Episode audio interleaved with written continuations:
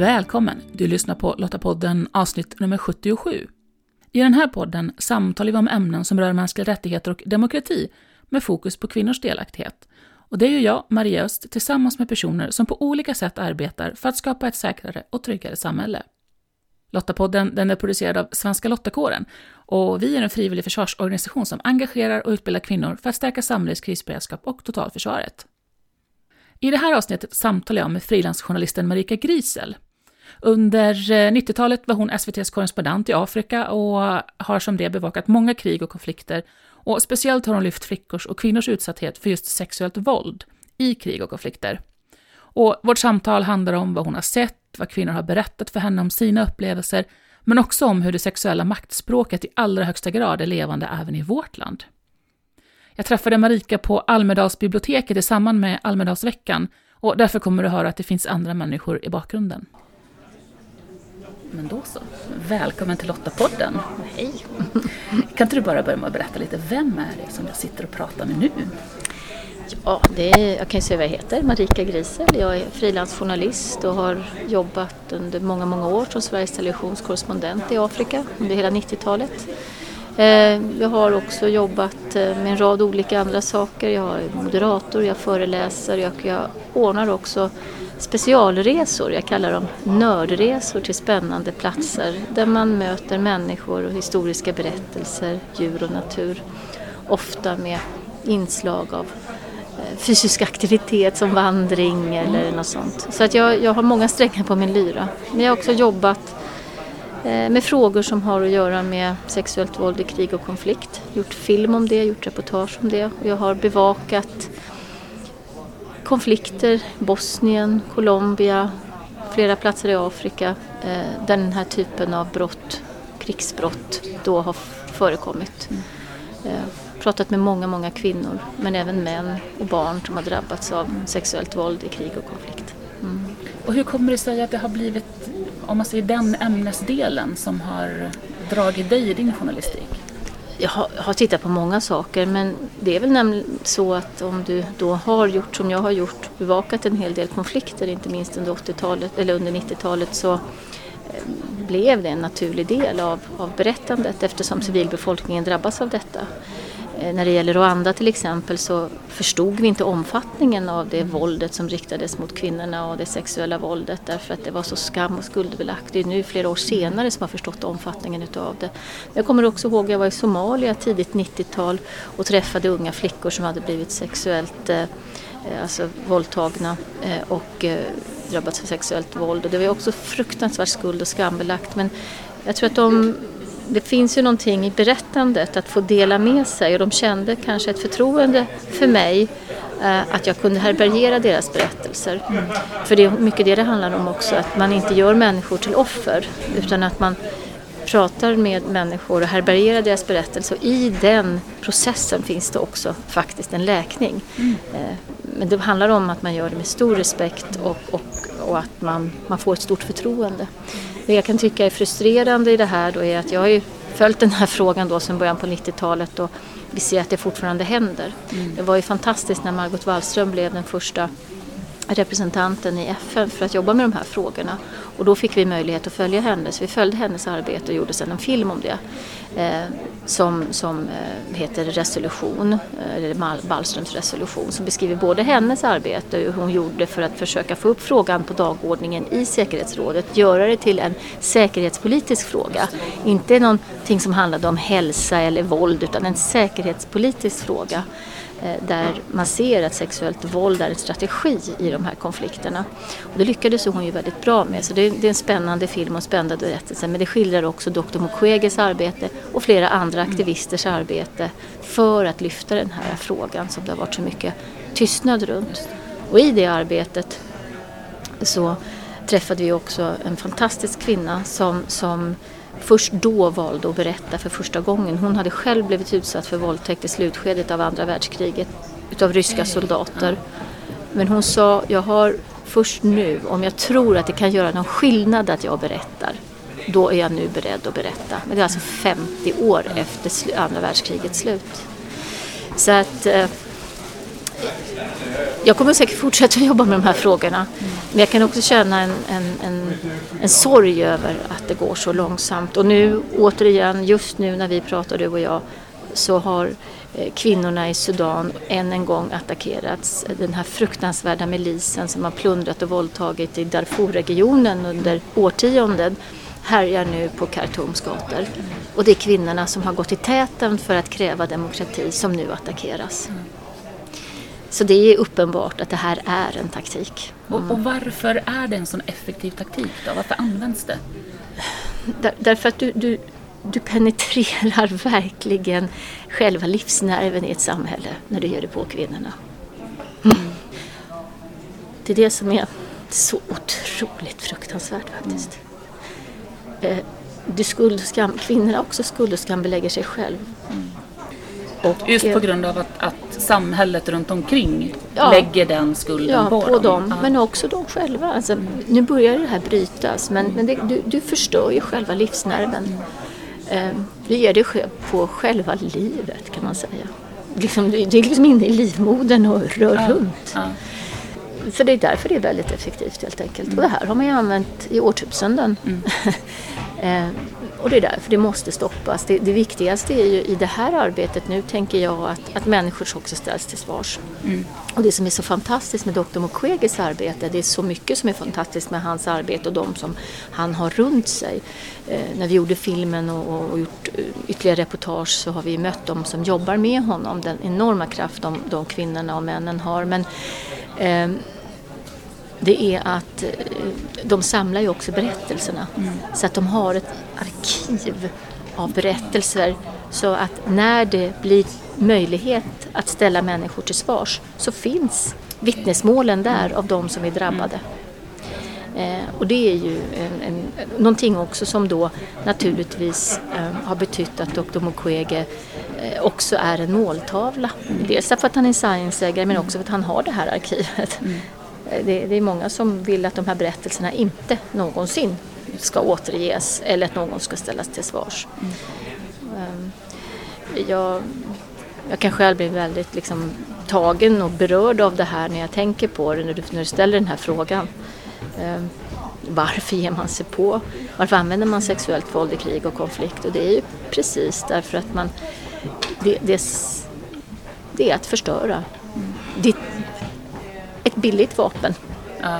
Om jag nu får uttrycka det inom citationstecken. Du behöver inga kulor för att förgöra ett helt samhälle utan du ger det på kvinnorna och barnen. Och även männen. Även män blir ju våldtagna i de här konflikterna. Mm. Jag vet att eh, Nadia Murad som nu tillsammans mm. med Dr. Mukwege fick fredpriset. Jag mm. lyssnade på hennes mm. eh, bok och hon berättade just det att ett av de saker hon var rädd för när hon mm. väl kom ut ur mm. sin fångenskap var ju just det här möjligheten till stigmat. Hur skulle mm. hon tas emot av sitt samhälle? Mm. Eh, och där var ju tack och lov de religiösa ledarna så pass framsynta att de tog beslutet att det här är inte kvinnornas fel. Det här måste vi se som, eh, som en attack. Mm. Um. Och, och, och, det, är ju, det är ju fantastiskt att, att, att det är på det sättet nu. Samtidigt så hör vi berättelser om kvinnor, kvinnor som inte får ta med sig sina barn nu när de har kunnat komma hem. Eh, så att det är fortfarande en lång väg att gå och det finns en annan berättelse som har berört mig väldigt starkt också. När folkmordet i Armenien ägde rum så tillfångatogs kvinnor som sexslavar. Man mördade männen och unga kvinnor togs till fånga och, och fördes då till Turkiet och användes som sexslavar. Och de eh, tatuerades ehm, eh, utav sina nya herrar. Eh, och, eh, under, det, det, pågick under ett par år en, en, en, kampanj för att försöka få dem fria, de här kvinnorna. Och en, en, del av dem blev fria men de var ju märkta för livet med de här tatueringarna bland annat.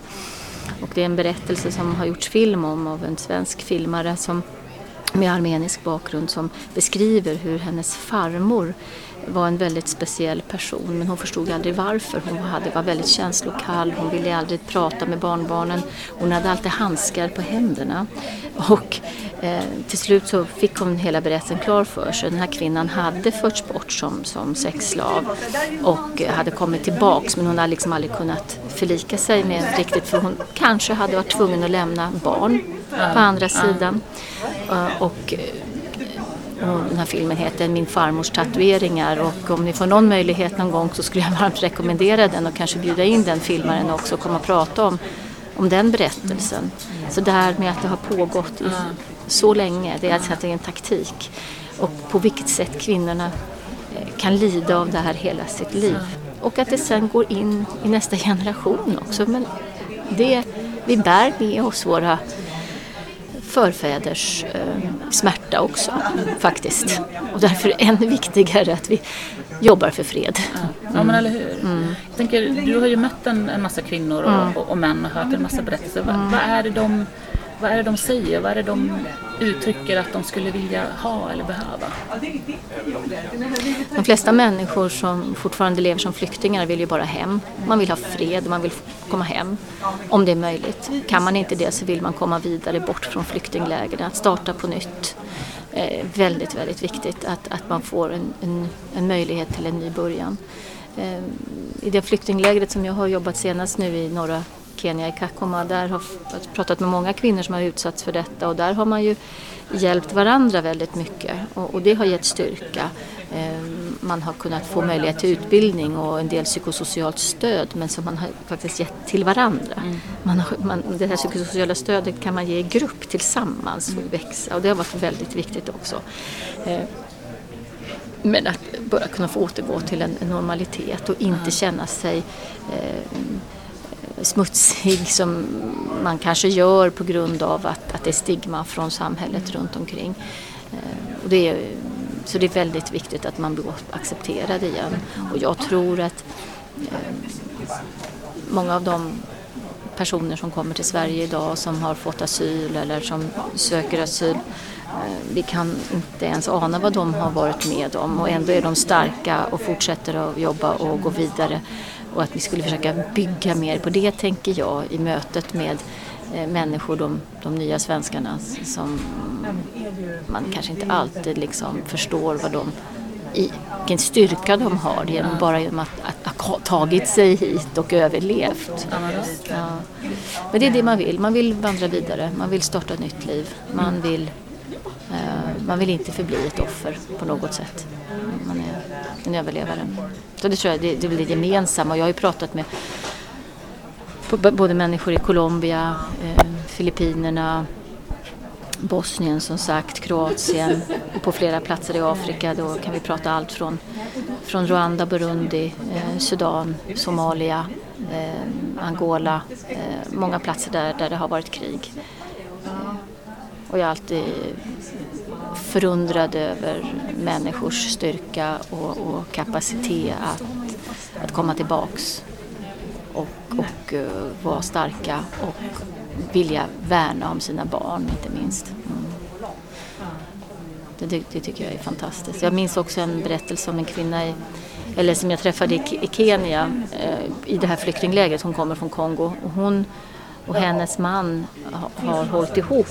De förlorade i den. Hon blev våldtagen, hennes eh, flera barn våldtogs och mördades. Eh, Så de har en enormt traum, traumatisk bakgrund. Men de har hållit ihop, hon och hennes man. Och den här kärleken mellan dem var också väldigt speciell att bevittna. Och hur mycket kraft det gav till dem båda, att de hade liksom hittat en väg framåt i den här svåra, svåra situationen i ett, i ett tufft flyktingläger. Men att de verkligen, den här kärleken mellan dem var så otroligt stark. Det var så fint att bevittna det. Mm. Mm. Du, jag tänker också att, att um, just det här med sexuellt våld mm kan jag tänka att många just associerar med en krigssituation långt mm. borta. Det händer inte oss här. Mm. Men jag tänker om man tittar på det som ett maktmedel mm. och funderar på hur, hur samhället ser ut idag och den miljö vi har på nätet till exempel. Där vi också ser ett maktutövande utifrån att trycka ner speciellt kvinnor som kliver fram mm. och, och höjer sina röster, mm. inte minst journalister. Mm. Ehm, där vet jag, det har ju du också tittat på mm. eh, på senare år. Hur, mm. hur ser du sammanhang där? Och hur, hur... Ja, jag, jag tycker att det, det är liksom samma eh, maktmedel man använder för att stoppa eh, kvinn, kvinnliga... Jag, jag gjorde en utredning för Linnéuniversitetet och Medieinstitutet får ju på uppdrag av UD där vi tittade på fem länder. Det var Pakistan, Filippinerna, Egypten, eh, Ukraina och eh, Mexiko. Och det som var tydligt, eh, vi tittade fram, framförallt på kvinnliga journalisters situation men även på, på manliga journalisters situation, eh, är ju att, att, språket på nätet är sådant att man använder sig av jag ska våldta dig, eller jag ska våldta dina barn, eller jag ska våldta eh, din familj på något sätt. Det, det är direkt riktat mot, mot journalister som eh, väljer att jobba mot maktstrukturer eller avslöja korruption eh, och eh, andra viktiga samhällsfrågor som ofta kvinnliga journalister inte minst jobbar med som handlar om utbildning, rätten till utbildning, rätten till hälsa och sjukvård, eh, miljöfrågor. Och då blir man attackerad. Och det är detsamma det här våldsamma sex, sexuella språket som, som liksom våldssexuella språket som man använder. Och det är klart att, att finns det en risk att du ska utsättas för detta, du, du tystnar. Det är det som är själva syftet, att tysta. Förstöra ett samhälle eller tysta. Eh, och, och, det är tyvärr effektivt. Eh, det är många kvin, kvinnliga journalister i Sverige som har vittnat om det också, att de har eh, valt bort eh, att rapportera om vissa saker på grund av detta. Eh, och det finns en, också någonting som jag kan rekommendera att ni tittar på. Det finns en, en väldigt stark kort liten film som ett antal journalister har gjort som jobbar på en filippinsk eh, nättidskrift som heter Rappler eh, om just yttrandefrihet och mediefrihet och där i den, i den serien runt yttrandefrihet och pressfrihet som de har gjort så är det i första filmen så vittnar ett antal journalister om vilken typ av hot och hat som de har utsatts för eh, över nätet. Och det är horribelt verkligen. Mm. Och det ser likadant ut. Mm. Och det är därför också det är så viktigt att vi idag förstår, tänker jag, att det går inte att jobba i stuprör. Så här ser det ut i Sverige och så här ser det ut. De här stora, viktiga frågorna som handlar om fredsbryggande, som handlar om det som idag vi kallar hotet mot demokrat, demokratiska värden, vilket det också är. Att vi ser det globalt. För att annars har vi ingen chans. Du kan sitta och hota och hata på andra sidan jordklotet en journalist här i Sverige eller en människorättsaktivist. Ehm, eh, och vi ser att det är ett mönster. Och, och, och det viktiga är att vi vågar ha ja, våga vara öppna och prata om det och också till folk som är visionärer tänker jag. Mm. På vilket sätt menar du då? Jag tror att vi behöver ha politiker som är visionärer, beslutsfattare som är visionärer och vi kanske måste sticka fram än mer då, vi som brinner för de här frågorna också bli tydligare. Eh, jag har ofta tänkt att det räcker med journalistiken. Alltså att de filmer vi gör och det vi liksom försöker berätta om att det, det räcker. Men det gör nog inte det tyvärr. Mm. Så vad, vad tänker mm. du att den liksom, enskilda personen, någon som sitter och lyssnar på det här nu och skulle vilja göra någonting, vad, vad skulle ditt tips vara? Ja, ni är ju redan engagerade tänker jag eftersom det förmodligen framförallt riktas till Lotta kåren medlemmar och det i sig är fantastiskt för att civilsamhället är så viktigt.